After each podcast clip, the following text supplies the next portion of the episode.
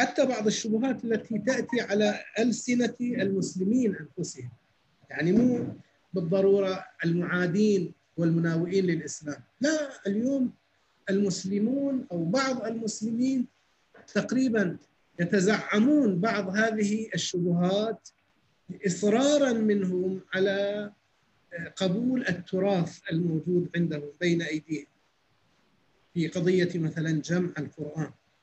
في قضية نزول القرآن نزول الوحي. نعم. اذا أنا أباشر. نعم تفضل. لا هو إذا إذا بندخل في الموضوع أنا أقترح أن نغلق هذه الجلسة ونفتحها من جديد باقي لا لا بس. لا بس. الأخوان بس إحنا راح نقفل الجلسة مباشرة راح أفتحها آه، مباشرة يعني. فتطلعون تدخلون مباشرة. شكرا.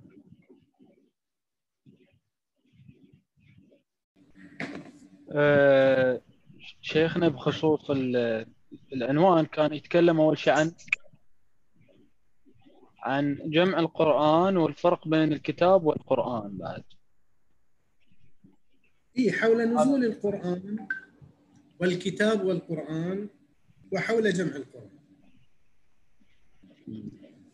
النقطة الأولى حول شوي خلنا يشاركونا الإخوان لأنها مسائل ممكن تكون بسيطة ولكنها هامة ما هو الفرق بين الكتاب والقرآن؟ أنا أعطيها على نحو الرسائل السريعة. ثم إذا أحسست بالحاجة إلى التفصيل أفصل شيئا. ما التفتوا اللي نفهم من القرآن الكريم ومن خلال الروايات والجمع بين الآيات أن الإسلام دين واحد وأن كتاب الله واحد أيضا إلى الناس جميعا. الكتاب. ذلك دائما تأتي هذه الكلمة الكتاب التفتوا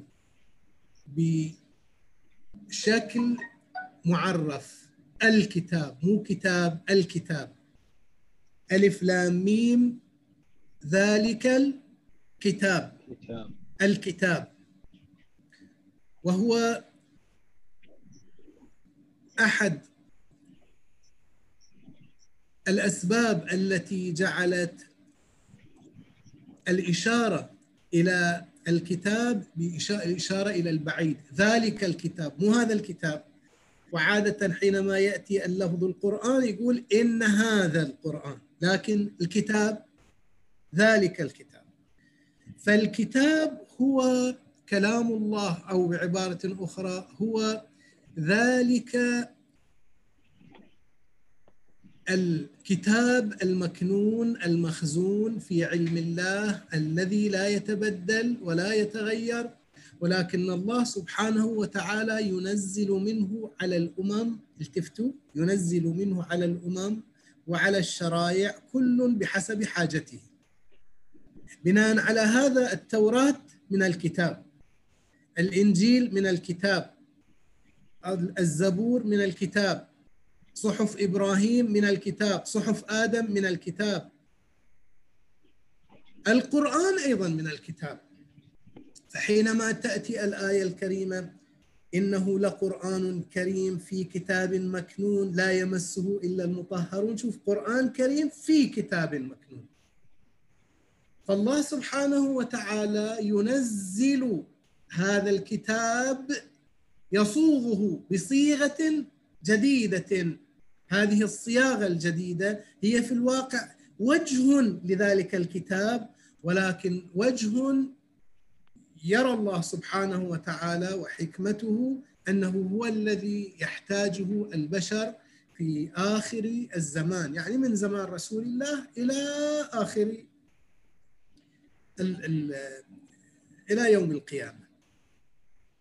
فإذا الفرق بين الكتاب والقرآن أن القرآن من الكتاب مستل من الكتاب تعابيره من الله سبحانه وتعالى مأخوذة من الكتاب.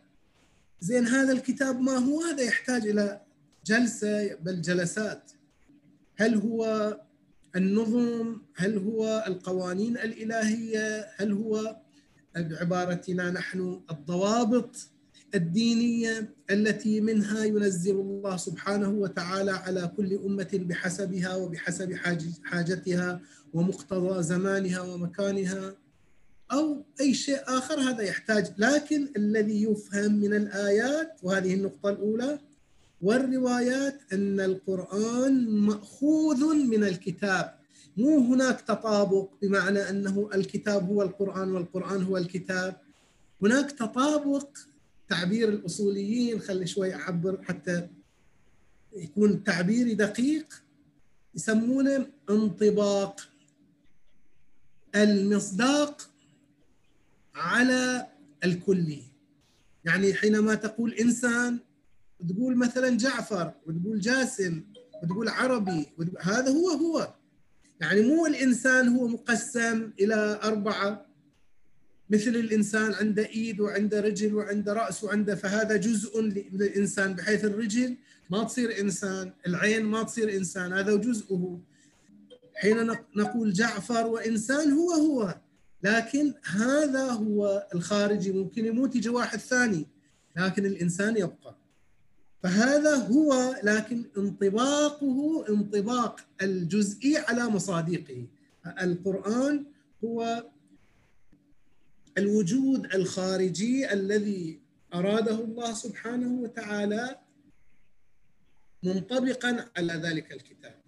وهذا طبعا نظرية لأن ممكن مثلا واحد عنده كلام في هذا لكن اللي فهمناه من خلال متابعاتنا من خلال قراءة التفاسير من خلال الروايات من خلال الجمع بين الآيات أن المفهوم من الكتاب ولذلك الذي يفهم القرآن بظاهره فقط ما تصير إيده على ذلك الكتاب الذي هو كتاب مكنون ولوح مخزون بما فيه من الضوابط الكلية.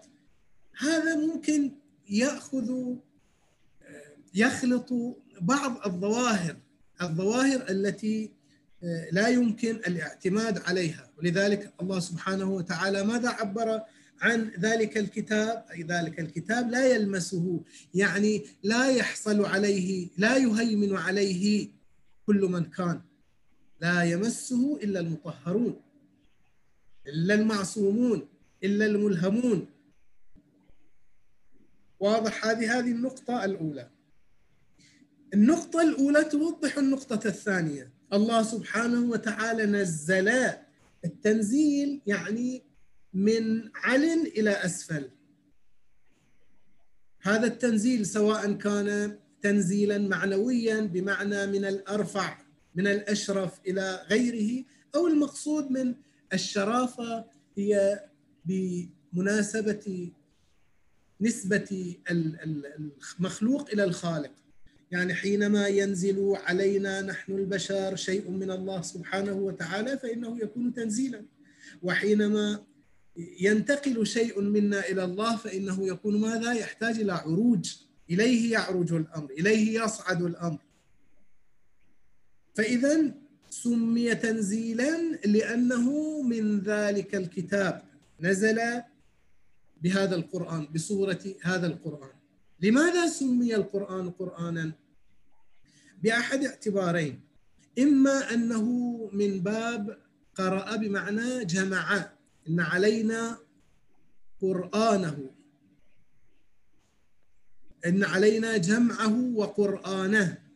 فإذا قرأناه فاتبع قرآنه. يعني إن علينا جمعه.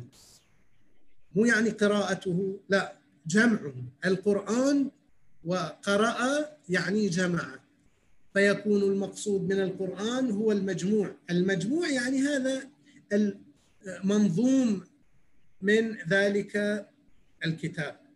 أو يكون المقصود من القرآن هو اللفظ الآخر يعني سمي القرآن قرآنا لأنه أنزل من أجل أن يقرأ من أجل أن يتلى.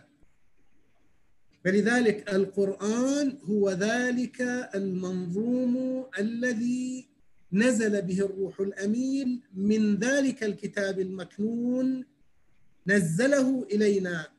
إما على مستوى الألفاظ بحيث أنه أخرج الشيء تعبير اللي ذكرته أريد مرة ثانية أقوله.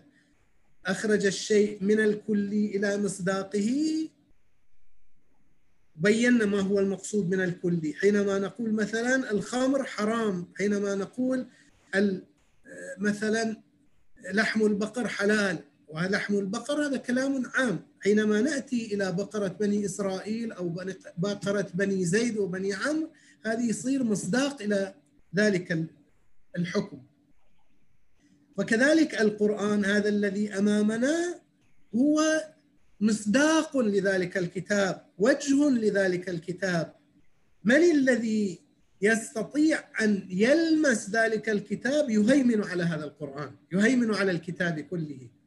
أما إذا كان آه، يعرف فقط ظواهر هذا القرآن فإنه لا يستطيع أن يصل ويمس ذلك الكتاب. لذلك شوف ألف لام ميم ذلك الكتاب لا ريب فيه. الكلام مو عن القرآن بما هو قرآن وإنما الكلام عن ذلك الكتاب. فأنزله الله سبحانه وتعالى على روح رسول الله.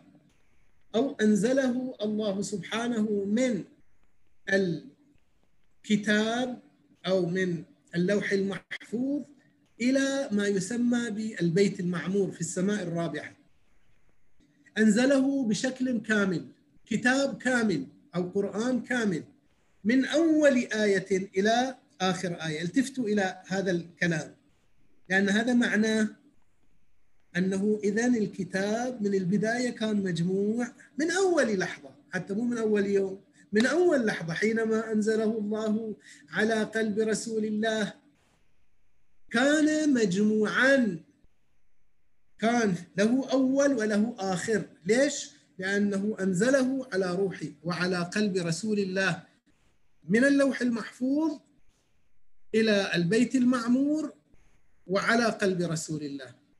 بحيث أن رسول الله اطلع على جميع الكتاب. ولذلك الآيات التي تظهر أن رسول الله كان عارفا بالقرآن.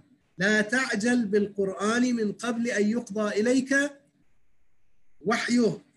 يعني هذا القرآن الذي أنت تعرفه يا محمد صلى الله على محمد وآل محمد. الذي نزل عليك من أول لحظة. إذا هو مجموع. لا حد يقول أنه بعدين جمع. لا لا لا من البداية كان مجموع. والله سبحانه وتعالى أيضا في القرآن يقول ماذا؟ إن علينا جمعه وقرآنه. ما نحتاج إلى هذا الصحابي أو ذاك الصحابي أن هو الذي يجمعه. فإذا جاء واحد يقول أنه هناك فرق وفاصلة بين نزول القرآن وبين جمعه وأن الأمر يرجع إلى بعض الصحابة الجهلاء أو أصحاب النعرات أو أصحاب على أي حال الخلافات والقصور والتقصير هذا الكلام كله باطل. نقول لا القرآن الكريم كان محفوظا وكان من البداية مجموعا. لا معنى لأن يجمع على يد فلان وعلان. إذا هذا هو تنزيل القرآن.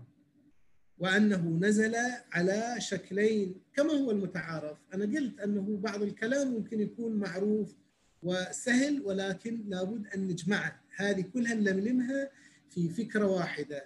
القرآن نزل من الكتاب. أنزله الله سبحانه وتعالى على قلب قلب رسول الله بشكل كامل تام دفعة واحدة.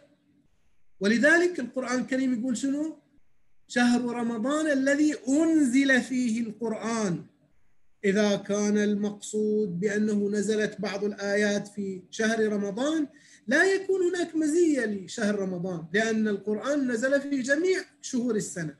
فالمفروض أنه شهر رمضان عفوا شهر شعبان الذي نزل فيه القرآن شهر محرم الذي نزل فيه القرآن. ثم ماذا يقول شهر رمضان الذي نزل فيه القرآن؟ مو نزل فيه قرآن مو نزل فيه بعض القرآن. فإذا القرآن نزل بشكل كامل على قلب رسول الله وأن رسول الله كان يعرفه حق معرفته من أوله إلى آخره ما هو أوله ما هو وسطه ما هو آخره كله كان معروفا عند رسول الله. ثم بعد ذلك نزل نزولا آخر. على مدى سنوات الدعوة. سنوات الدعوة التي هي ثلاث وعشرون سنة نزل من أول يوم من أول لحظة على قلب رسول الله عفوا على رسول الله في غار حراء إلى آخر لحظة حينما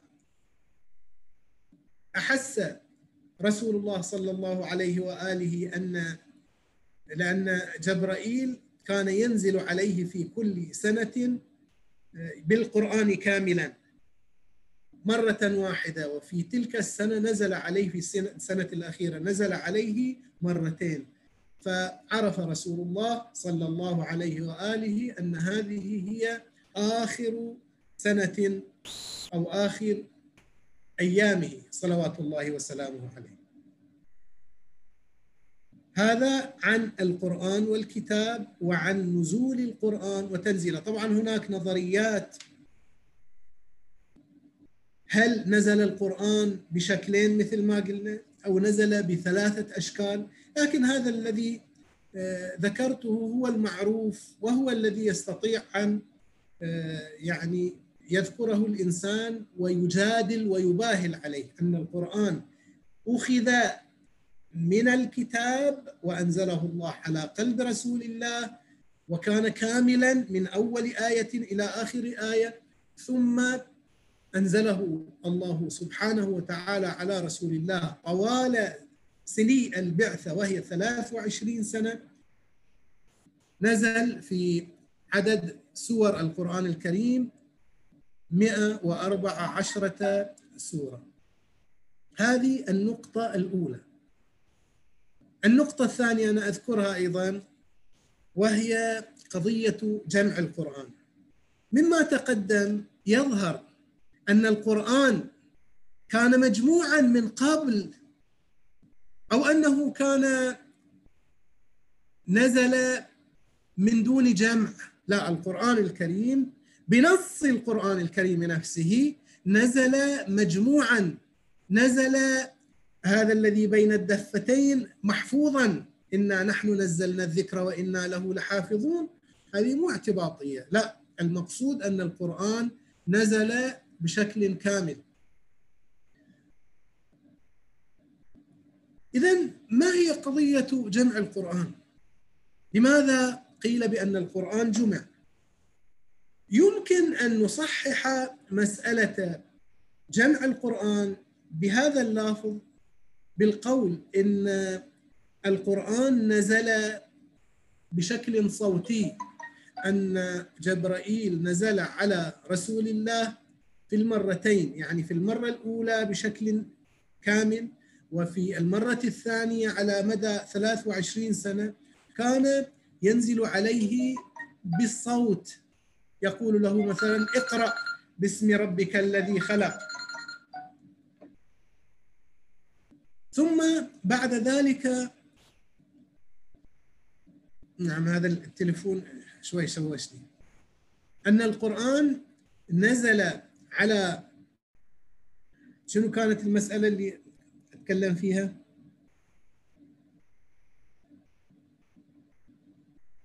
نعم بالنسبة إلى الجمع.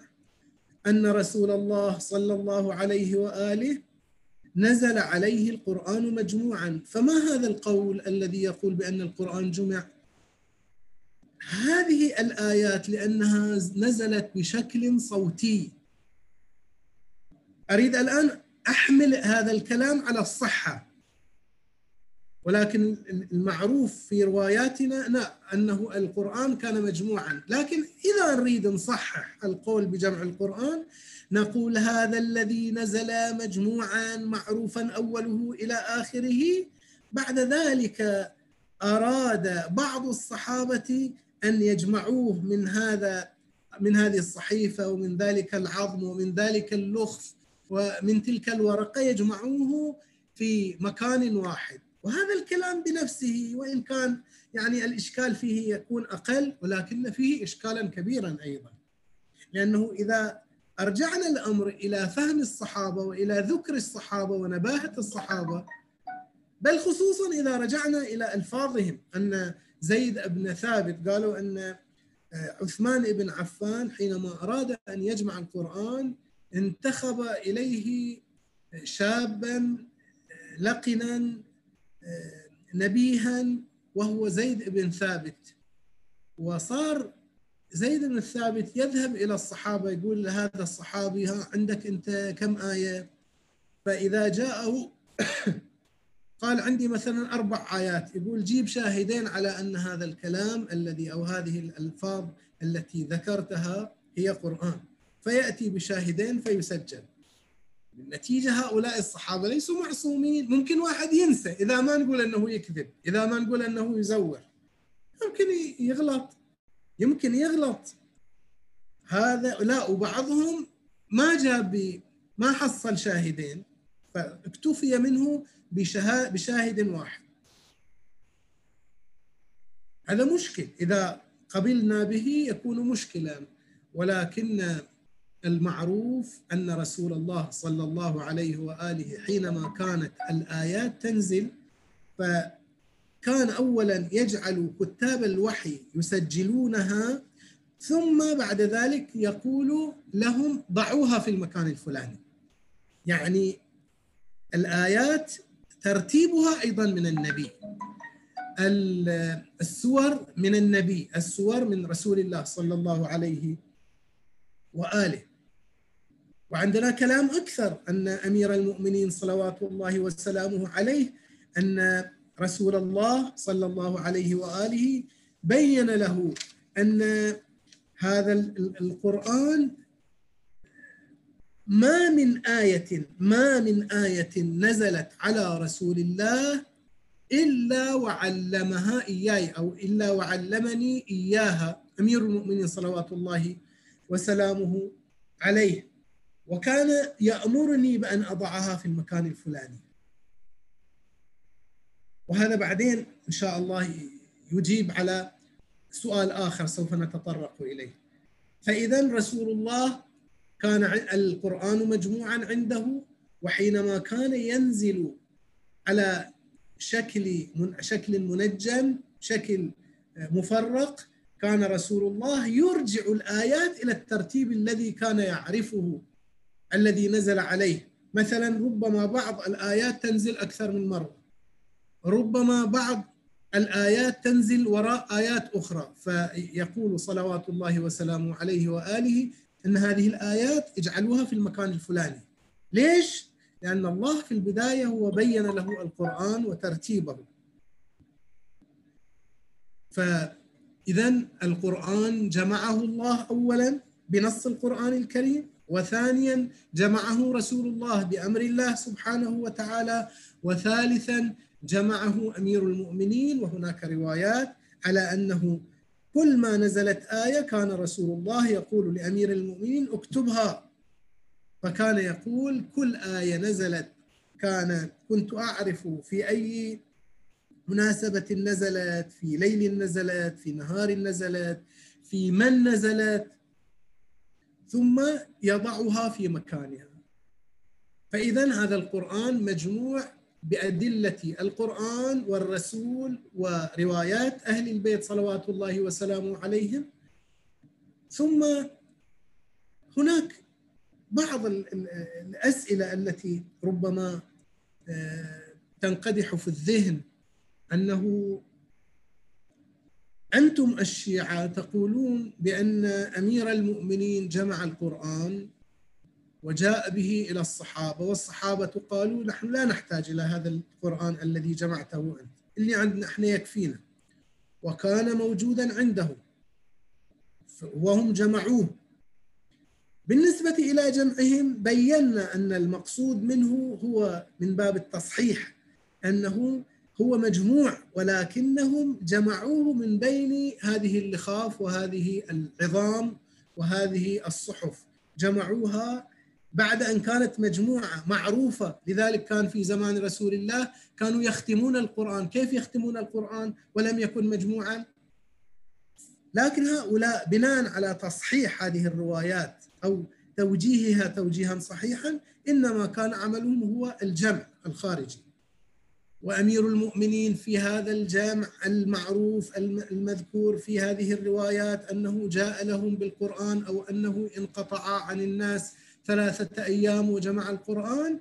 ليس المقصود منه أنه جمعه بعد أن كان متفرقا وإنما تذكر الروايات أنه صلى الله عليه أنه سلام الله عليه جمع القرآن جمعا ثانيا غير الجمع المعروف الذي نزل على رسول الله وإنما جمعه جمعا بحسب نزول الآيات يسمونه أسباب النزول. يعني أول آية المعروف أنها نزلت اقرأ فهذه هي تكون الأولى.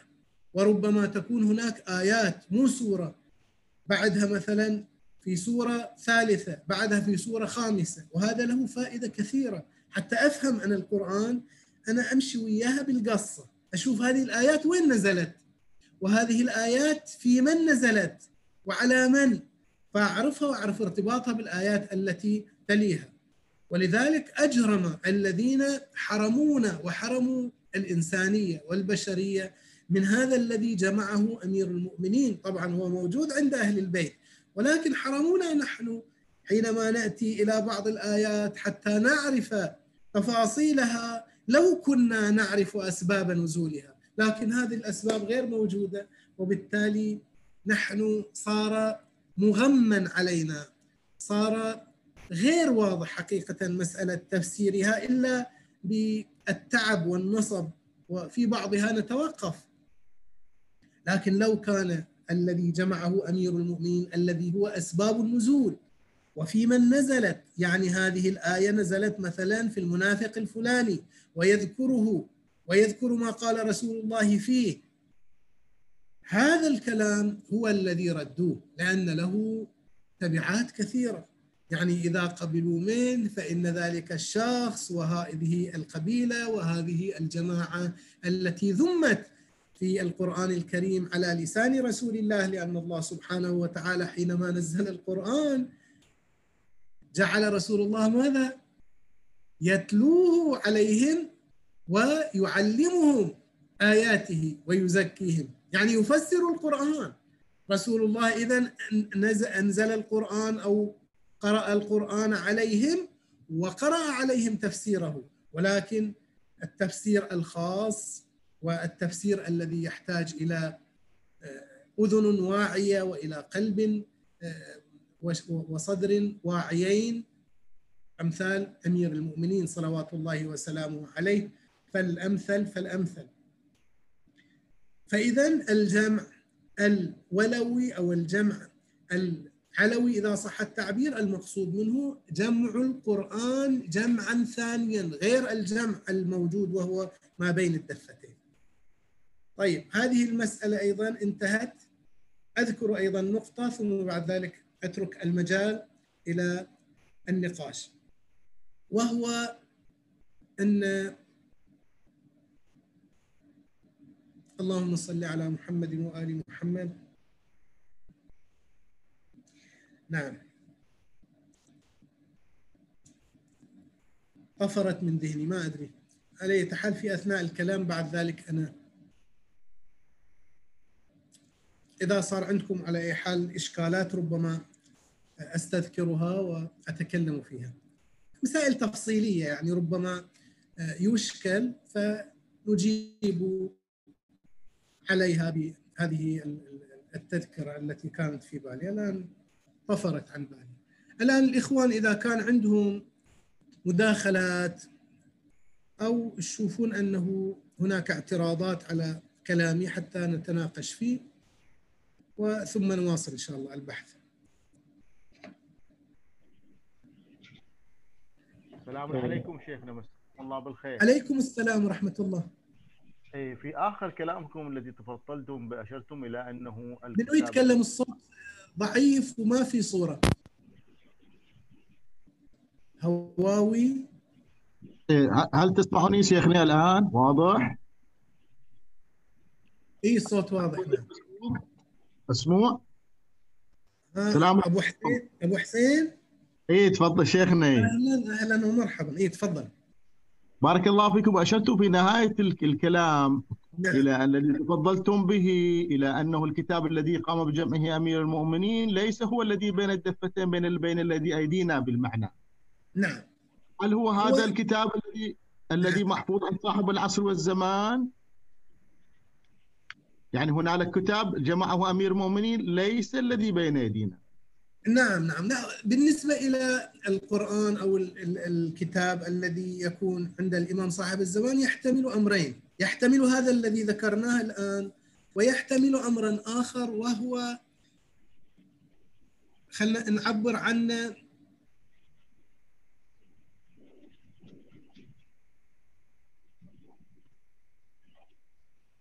قطع الصوت مع الأسف. كيفية قراءة القرآن؟ كيفية قراءة القرآن؟ الآن جت الكلمة اللي كنت جت في بالي.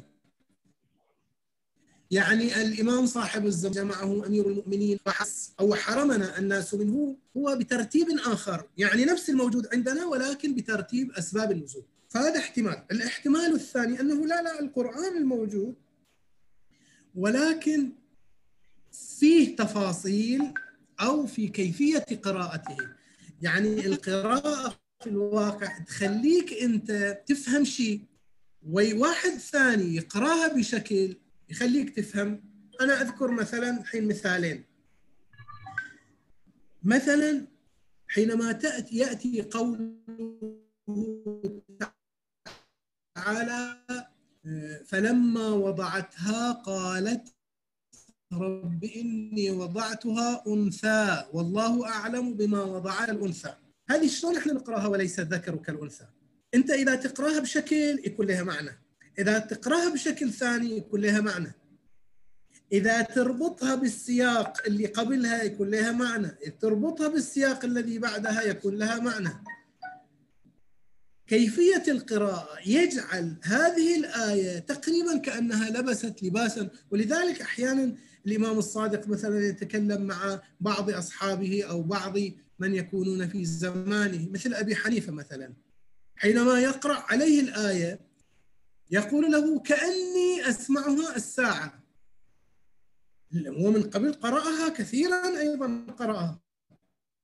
ولكن أنا حينما أسمعها منك بصورة مختلفة أنت تقرأها. هذا يسموه الشكل الألسني أو الأثر الألسني في آه، كيفية القراءة. كيفية القراءة وهذا من الموضوعات الهامة التي يفترض أن تدخل في آه، علوم القرآن.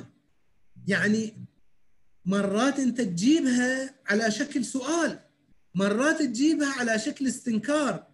مرات تجيبها على شكل تعجب مرات تجيبها على شكل إخبار والكلمة واحدة لكن شتان ما بين الأول والثاني. وليس الذكر كالأنثى. وليس الذكر كالأنثى. واجد فرق بين هذه القراءة وتلك القراءة. مثلا هذه الرواية التي فيها نقاش ولكن نأخذها على سبيل التوضيح. وهي حينما نزل الوحي حينما نزل جبرائيل على رسول الله وقال له يا محمد اقرأ. بغض النظر عن النقاش معنا الآن فقط لتوضيح أثر الكلام أثر طريقة الكلام. حينما قال له يا محمد اقرأ. رسول الله بناء على هذه الرواية قال ما أنا بقارئ.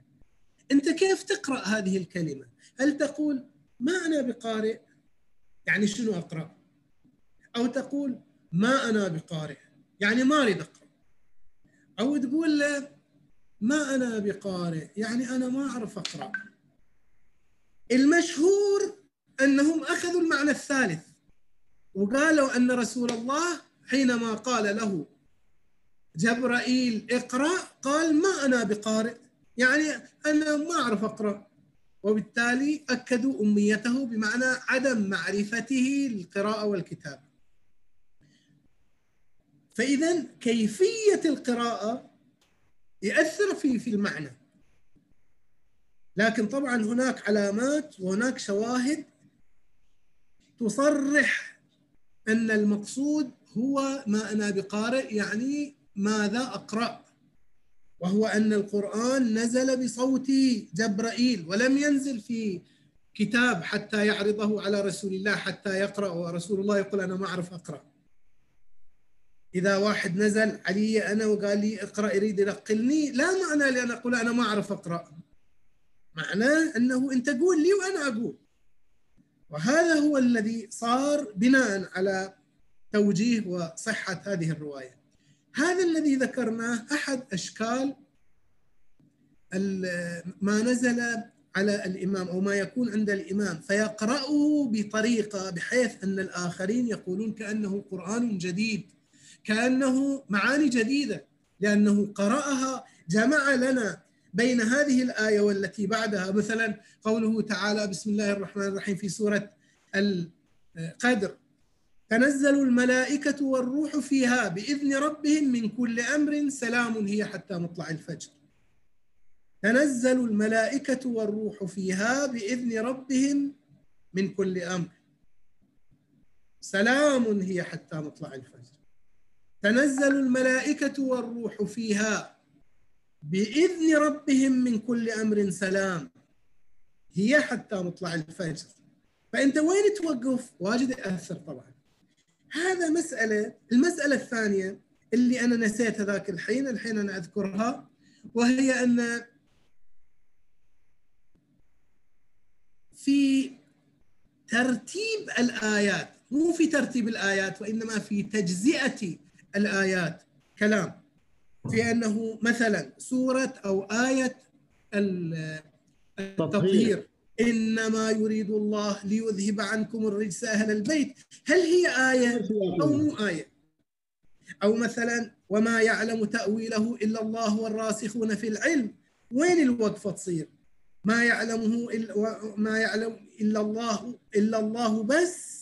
وبعدين والراسخون في العلم يقولون آمنا به كل من عند ربنا. المعنى يختلف اختلافا بنيويا ماهويا. حينما أقول إن الله فقط هو الذي يعلم بالقرآن ولا يعلم غيره به تصير إثارة. أنا شفتها من بعض الملحدين وبعض الليبراليين يشكلون على القرآن الكريم. يقولون أنتم بنفسكم تقولون القرآن الكريم طلاسم لا يفهم لأنكم تقولون إن الذي يفهمه هو فقط الله سبحانه فقط الله سبحانه وتعالى. لماذا؟ لأنكم تقولون وما يعلم بتأويله إلا الله. وأنتم تسلمون والراسخون في العلم يقولون آمنا به كل من عند ربنا. فإذا أنت بنفسك لا أنت ولا نبيك لا أنت ولا نبيك. أنتم تقرون بأن رسول الله لا يعرف القرآن. هذا يأثر على وين؟ وين إحنا نوقف؟ وين نخلي نهاية الآية؟ إحنا عندنا في روايات موجودة عندنا وعند المخالفين. يقولون آية التطهير. يقولون آية مثلا نساء النبي. لكن حينما نرجع إلى الموجود عندنا الآن في ترتيب القرآن الكريم نجد أن هذه جزء من آية. فهل أن هذه التقسيمات الموجودات الموجودة عندنا في القرآن الكريم أيضا نزلت من عند الله أو كانت هناك على أي حال دخالة بمعنى أنه نهاية هذه الكلمة آية مثلا عندنا في بعض القرائن السابقة في سورة الحمد يقول يشيلون البسملة واهدنا الصراط المستقيم صراط الذين أنعمت عليهم. هنا خلون نهاية آية. غير المغضوب عليهم ولا الضالين خلون آية. بينما مثلا في آه، قرائن أخرى أو في مصاحف أخرى لا البسملة يخلونها. و فإذا هذه اللي يسمونها الترقيم علامات الترقيم. ومنها أيضا الآيات آه، هذا هناك بعض خلاص بس هذه الكلمة هناك بعض العلماء وبعض المفسرين كالسيد الطباطبائي وغيره قالوا بأن هذا فيه كلام في ترتيب الآيات وفي تعداد الآيات هناك كلام. على أي حال ظاهر الوقت انتهى. نقطع ونرجع بعد نعم بعد الدخول الثالث ونرجع أيوة. نستمع إلى مداخلاتكم وأنتم كذلك أبو حسين إن شاء الله نسمع الله. يسلم الحين نقطع ونرجع إن شاء الله للكل أي نعم. إيه يعني آه، شنو شنو معناته يعني إنه هو القرآن أنزل كل سنة مرة اخر سنة ينزل مرتين؟ يعني في ليلة القدر إنا أنزلناه في ليلة القدر في كل ليلة قدر كان ينزل مرة. ولكن في السنة الأخيرة كأنما إيذان بوفاة رسول الله ونهاية الحقبة الدعوية نزل جبرائيل على رسول الله بالقرآن مرتين. والقرآن كامل ينزل بكل آياته يعني؟ إيه قرآن هذا المجموع هذا القرآن ينزل على رسول الله غير الآيات التي تنزل مفرقة. لأن قلنا القرآن نزولين. النزول الأول نزول من أول آية إلى آخر آية. حتى قبل ما نزلت أول آية. نزل القرآن كاملا. ثم بعد ذلك هذا القرآن الذي نزل على رسول الله بس لرسول الله.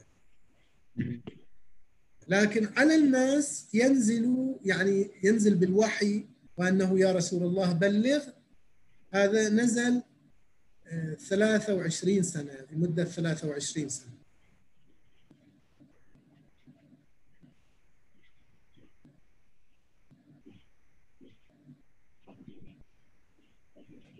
أحسن شيء أحسن الله. سؤال ثاني بعد على إنه هو ليش صار الجمع يعني مثلا صار الجمع بعد على آه، مثلا آه، الصحابه مثلا جاء قاموا يجمعون. ليش مثلا الرسول الأعظم ما قال لهم ما- إيه هذا كلام كلام آخر ويطول لكن بشكل مختصر أن الجمع الذي جمعوه هو يعني مجرد نوع من الاحتكار نوع من الموقف السياسي لأن في بعضهم كان يقول مثلا أن تفسير هذه الآية ويكتب تحتها تفسيرها أو بعض الآيات كانت تعطي معنى مثل ما أشرنا إليه فأرادوا أن يجمعوا جمعا قرآنا مجموعا بحيث أن هذه الأمور التي ربما تدين بعض الأشخاص أو تدين بعض القبائل أو تدين آه، نعم كانوا يريدون أن يتخلصوا منها. وكذلك أيضا يعني في مقابل بعض الشخصيات كأمير المؤمنين صلوات الله وسلامه عليه الذي كان القرآن امتيازا كبيرا له لأنه هو أخو القرآن وهو عدل القرآن وهو الذي أوصاه رسول الله بالقرآن. وهو الذي كان متوقعا منتظر منه أن يجمع القرآن لكن رسول الله لكن أمير المؤمنين حين جمع القرآن ردوه وقالوا لا حاجة لنا بالقرآن الذي جمعته. قلت يعني هناك كلام طويل على حال في هذا وكذلك أيضا ذكروا في بعض الأسباب أنه حينما اجتمعت آه، أو زادت رقعة الإسلام والمسلمين ودخل الأعاجم صاروا ينقلون المصاحف إلى هذه البلاد وتلك البلاد. فكان هناك اختلاف في كيفية القراءة. هذا يقرأ بشكل وذاك يقرأ بشكل. وهذه تحتاج أيضا إلى توضيح. الآن مو بصددها. اختلاف القراءات ما هو المقصود منه؟ فجمع القرآن حتى يجمع على لغة واحدة أو على آه، قراءات خاصة. ذكروا أنه واحد رسلوه إلى مكة واحد إلى المدينة واحد إلى آه، دمشق واحد إلى اليمن واحد إلى العراق حتى يضيقوا هذه الدائرة. هذا من المبررات التي ذكروها. يعني ليش جمعوا القرآن؟ ولكن كل هذا يحتاج إلى نقاش. هذا علي راح وما جاء. كان كان عندنا نقاش أنا قطعت النقاش عليه إيه شوف.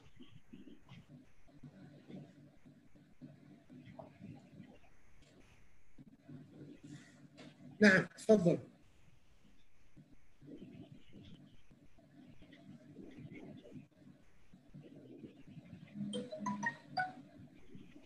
السؤال أبوي عندي على بخصوص الموضوع ال ال ال الكتاب هذا هل هو مثلا يعني من زمن الأنبياء قبل مثلا التوراة والزبور والإنجيل هل هذيلين بعد يصورون بعد نسخة من الكتاب؟ لو هو بس القرآن نسخة أو صورة من الكتاب. لا القرآن الكريم هو نسخة متكاملة. أما الكتب الأخرى ولذلك حينما يعبر القرآن الكريم عن التوراة يقول فيها فيها هدى ونور. فيها هدى ونور هذا في إشعار بأن المقصود بعض الكتاب. الإنجيل كذلك. وصل الإنجيل لم يأتي على ما ذكر في التوراة وإنما هو مكمل. ولذلك عيسى عليه السلام قال إنني جئتكم لأخفف عليكم ولأحل بعض الذي حرم عليكم. يعني جاء عيسى ليثبت ويؤكد التوراة ثم أتى بالإنجيل توضيحا تخفيفا على بني إسرائيل. فإذا التوراة والإنجيل وصحف إبراهيم وما أشبه هذه كلها لا يمكن أن يقال إنها مثل القرآن الكريم تكون نسخة كاملة أو مصداقا كاملا وإنما تعبر عن نور من الكتاب تعبر عن هدى من الكتاب. ولكنه بالنتيجة حتى هذا شوف أنت الآن لما تأكل تمر يقولون أنت أكلت التمر. مع أنه بعض التمر. حينما تقرأ بعض القرآن يقول قرأت قرآن وبعدين رحت.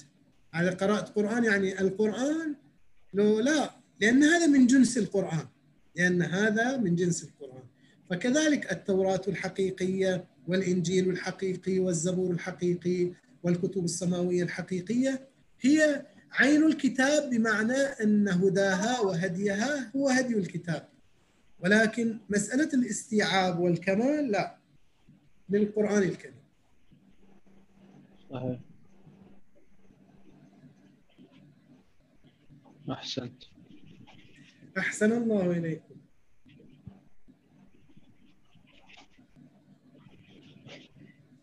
ما أدري إذا ما أحد عنده سؤال بعد أنا في عندي سؤال ثاني. آه على القرآن الكريم هل هو حجة على غير المسلمين الحين؟ القرآن الكريم خصوصا حينما نقول بأن الدين عند الله واحد. الدين عند الله واحد. وأن هذا الدين في الواقع شامل لتنذر أم القرى ومن حولها. فهو حجة لكل البشر لكل البشر وحجة عليها. يعني بعبارة أخرى إذا وصل القرآن إذا وصلت حجية القرآن إلى أي إنسان في أي طرف من أطراف المعمورة فإنه يكون محاسبا أمام الله سبحانه وتعالى. أما إذا لم يصله ذاك أمر آخر. يعني يعتذر أمام الله سبحانه وتعالى يا ربي ما وصل إلي القرآن. ما وصل إلي. أما إذا وصل لا حج عليه. بالنسبة إلى الأديان السابقة ومو صحيح كلمة الأديان الشرائع السابقة الدين دين واحد. ولكن يعني شوف مثلا حرمة الله حرم... هذه كلها واحدة ما تتغير عند اليهود وعند المسلمين وكذا. لكن الصلاة ممكن تختلف الحج ممكن يختلف الصوم يمكن يختلف هاي يسمونه الشرائع تعدد شرائع موجود لكن دين الله واحد.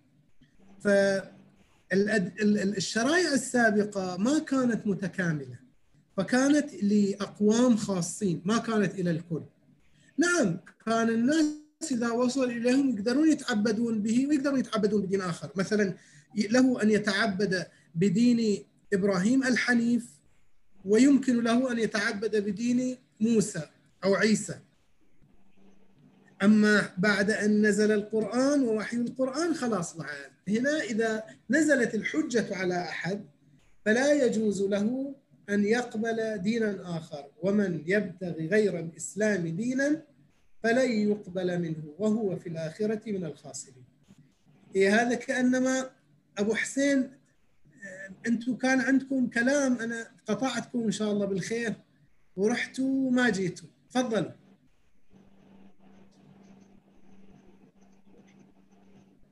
إذا تسمعني يعني.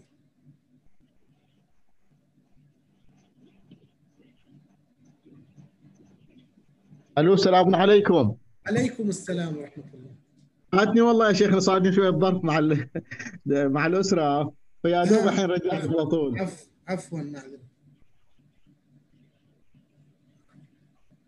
نعم. إيه، شيخنا في سؤال قد أرسلت له أرسلته لكم مسبقا بخصوص. بعض بعض العلماء يتبنى نظرية أن القرآن قد حجب عن رسول الله لمدة ثلاث سنوات أثناء الدعوة السرية للإسلام.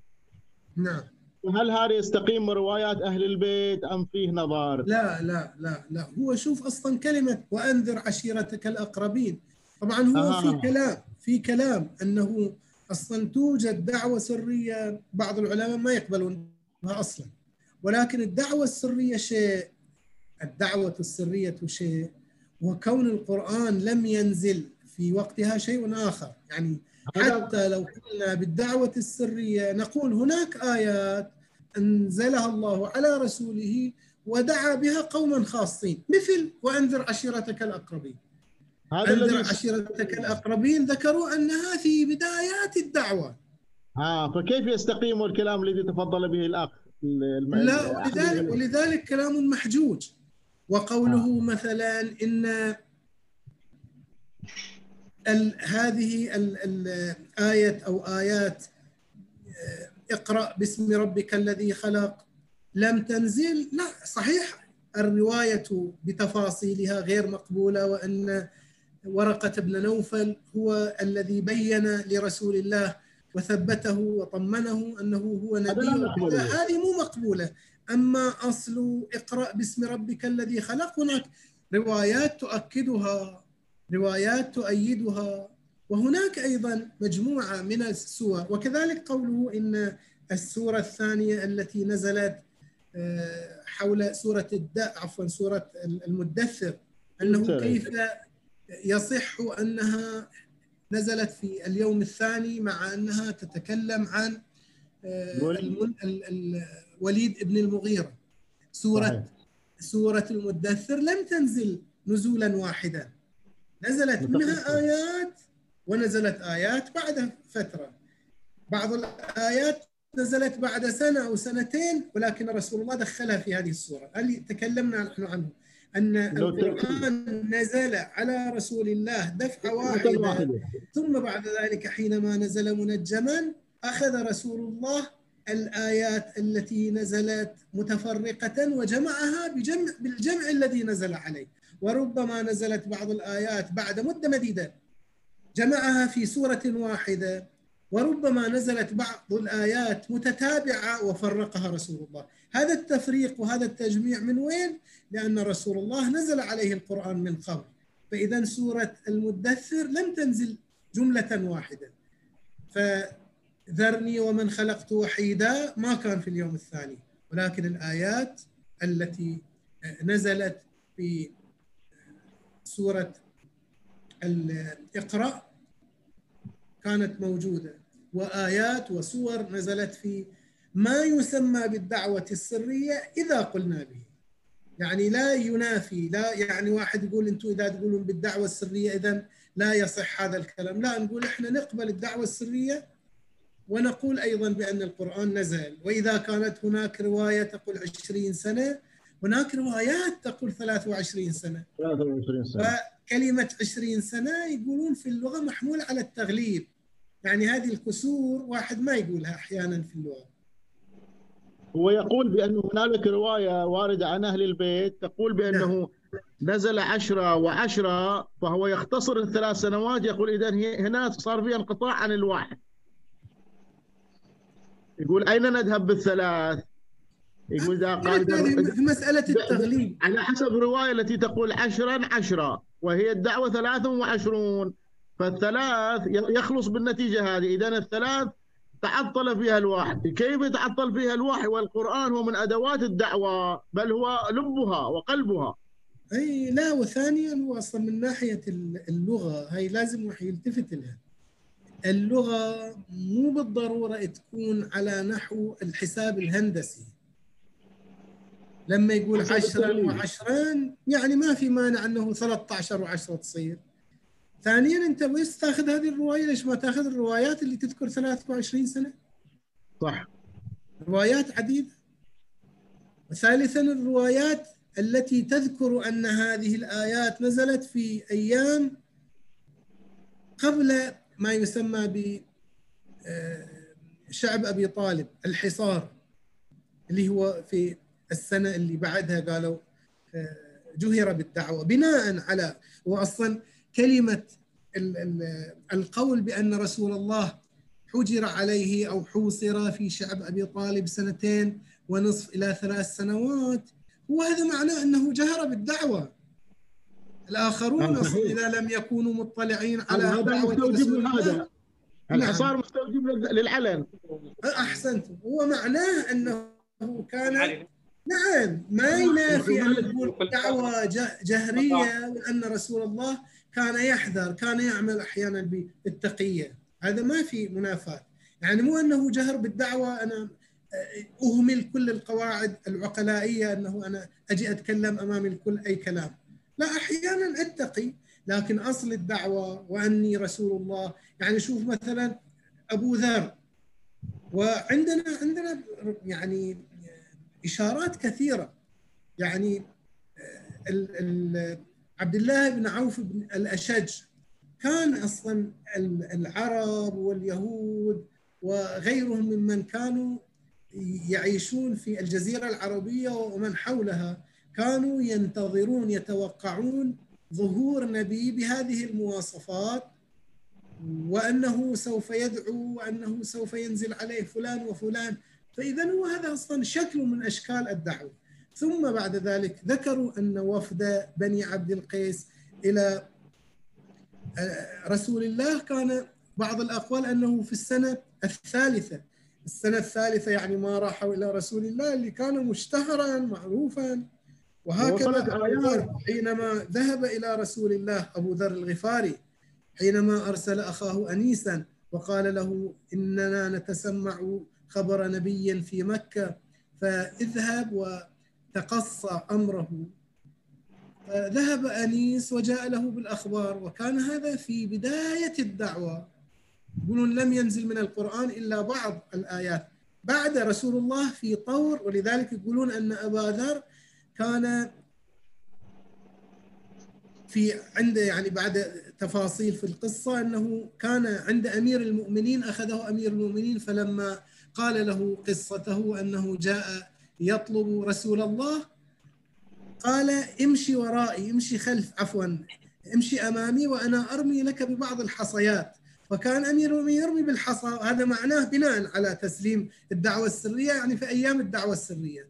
حينما وصل أبو ذر إلى رسول الله وجماعته رسول الله سمع القرآن منه وسلم عليهم ودعهم قال أنا راح أروح أبلغ. فهو في تعبيرنا إحنا أوج بنش الدعوة السرية إذا قلنا بها أخذ أبو ذر آيات القرآن في الدعوة السرية وصدع بها. فهذا كلام على يتحل لا يستقيم. شواهد التاريخ والسيرة والروايات لا تؤيده. أحسنتم شيخنا. وآية وما, وما ودعك ربك وما قلى. نعم. هذه لا هذه شنو الدل يعني؟ تفضلوا. شنو الدل يعني ما ما, ودعك ربك وما قلى جد جد حضرتني في بالي بس ما أعتقد لها دعوة بال بتفنيد فكرة انقطاع الوحي عن الثلاث ذكر, ذكر أنه انقطع عنه الوحي أربعين يوما. فقالوا آه. إن ربه قلاه أو إن رب محمد قلاه. فنزل القرآن ما ودعك ربك وما قلى وللآخرة خير لك من الأولى. لكن هذه مو أول سورة مذكور أنه أربعون يوما. لا هذه دعوة يعني أحد الأمور التي تقف في وجهها أنها دعوة شاذة جديدة يعني. الذي قال بالدعوة السرية والذي لم يقل بالدعوة السرية كلاهما يقولان بأن الدعوة كانت منذ اليوم الأول. بل منذ اللحظة الأولى. أصلا نزول النبوة والرسالة على رسول الله بالقرآن.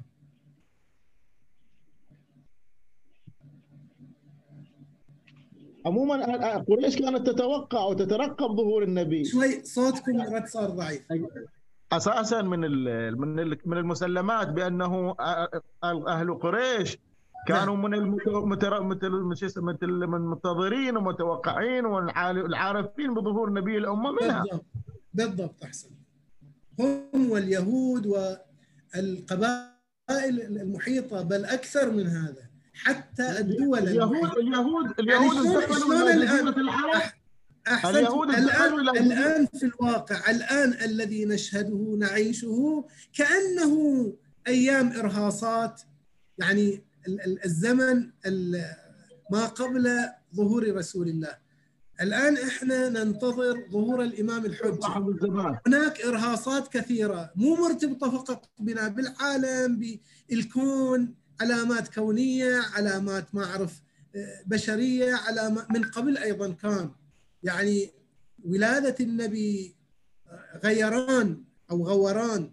بحيرة ساوى سقوط آه، بعض التماثيل في كسرى ما أعرف في قصر آه، قيصر آه، مجموعة من الآثار أو الاعمال الأثرية الموجودة في الدول الإمبراطوريات التي كانت موجودة من قبل. تأثرت انطفاء نار المجوس. هذه كلها إشارات وإرهاصات بمجيء رسول الله الذي يدعو بالقرآن والذي يدعو إلى الإسلام قبل مجيئه فكيف الحال بعد مجيئه؟ يقولون حتى أن أبو سفيان كان يتمنى أن يكون نبي ذلك الزمان. أحسنتم بالضبط إيه نعم.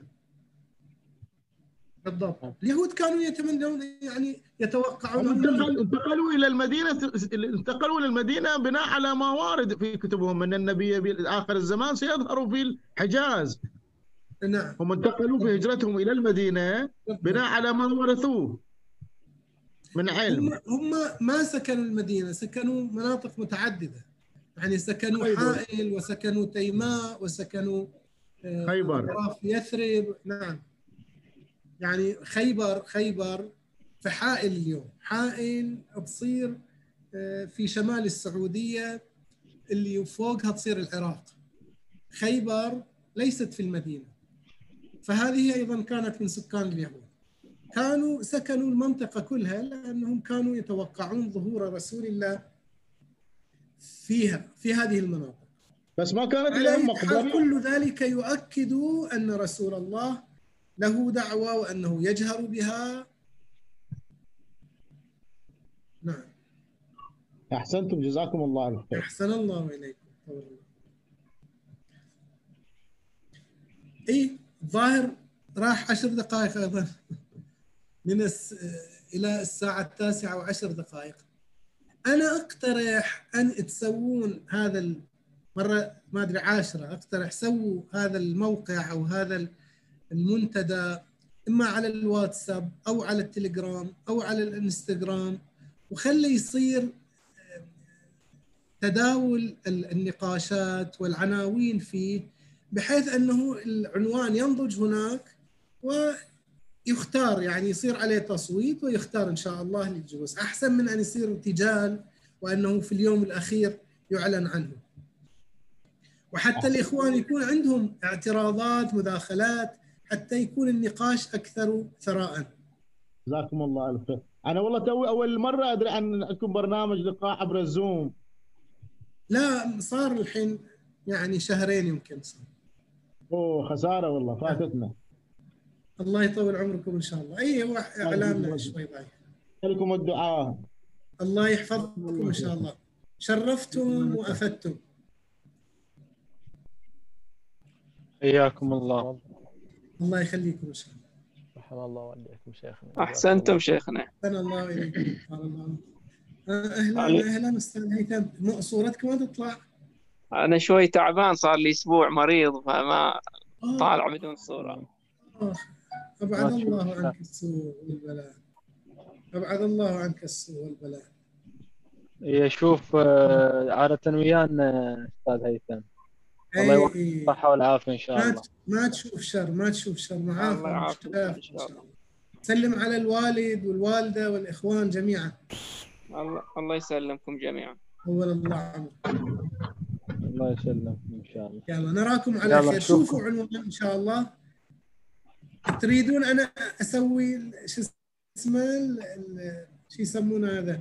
المنتدى في الواتساب. لا إن شاء الله. نسوي يا أو- نسوي. أي سووا. يعني كلش كلش إذا ما عجبكم وصار مثلا بنا انه تغيرون تروحون إلى تليجرام أو أو الإنستغرام تقدرون هذا يعني الحدث. بس خلوا في بوتقة يصير تجمع فيها تناقش الأمور التي ينبغي أن تناقش. حتى لا تصير عناويننا عناوين ترفيه. يلا نراكم على خير. رحم الله والديكم. استفدنا منكم جميعا. مشكورين مشكورين كثيرا. نشوفكم على خير. في أمان الله. إن شاء الله. حياكم الله. في أمان الله. مع السلامة. في أمان الله.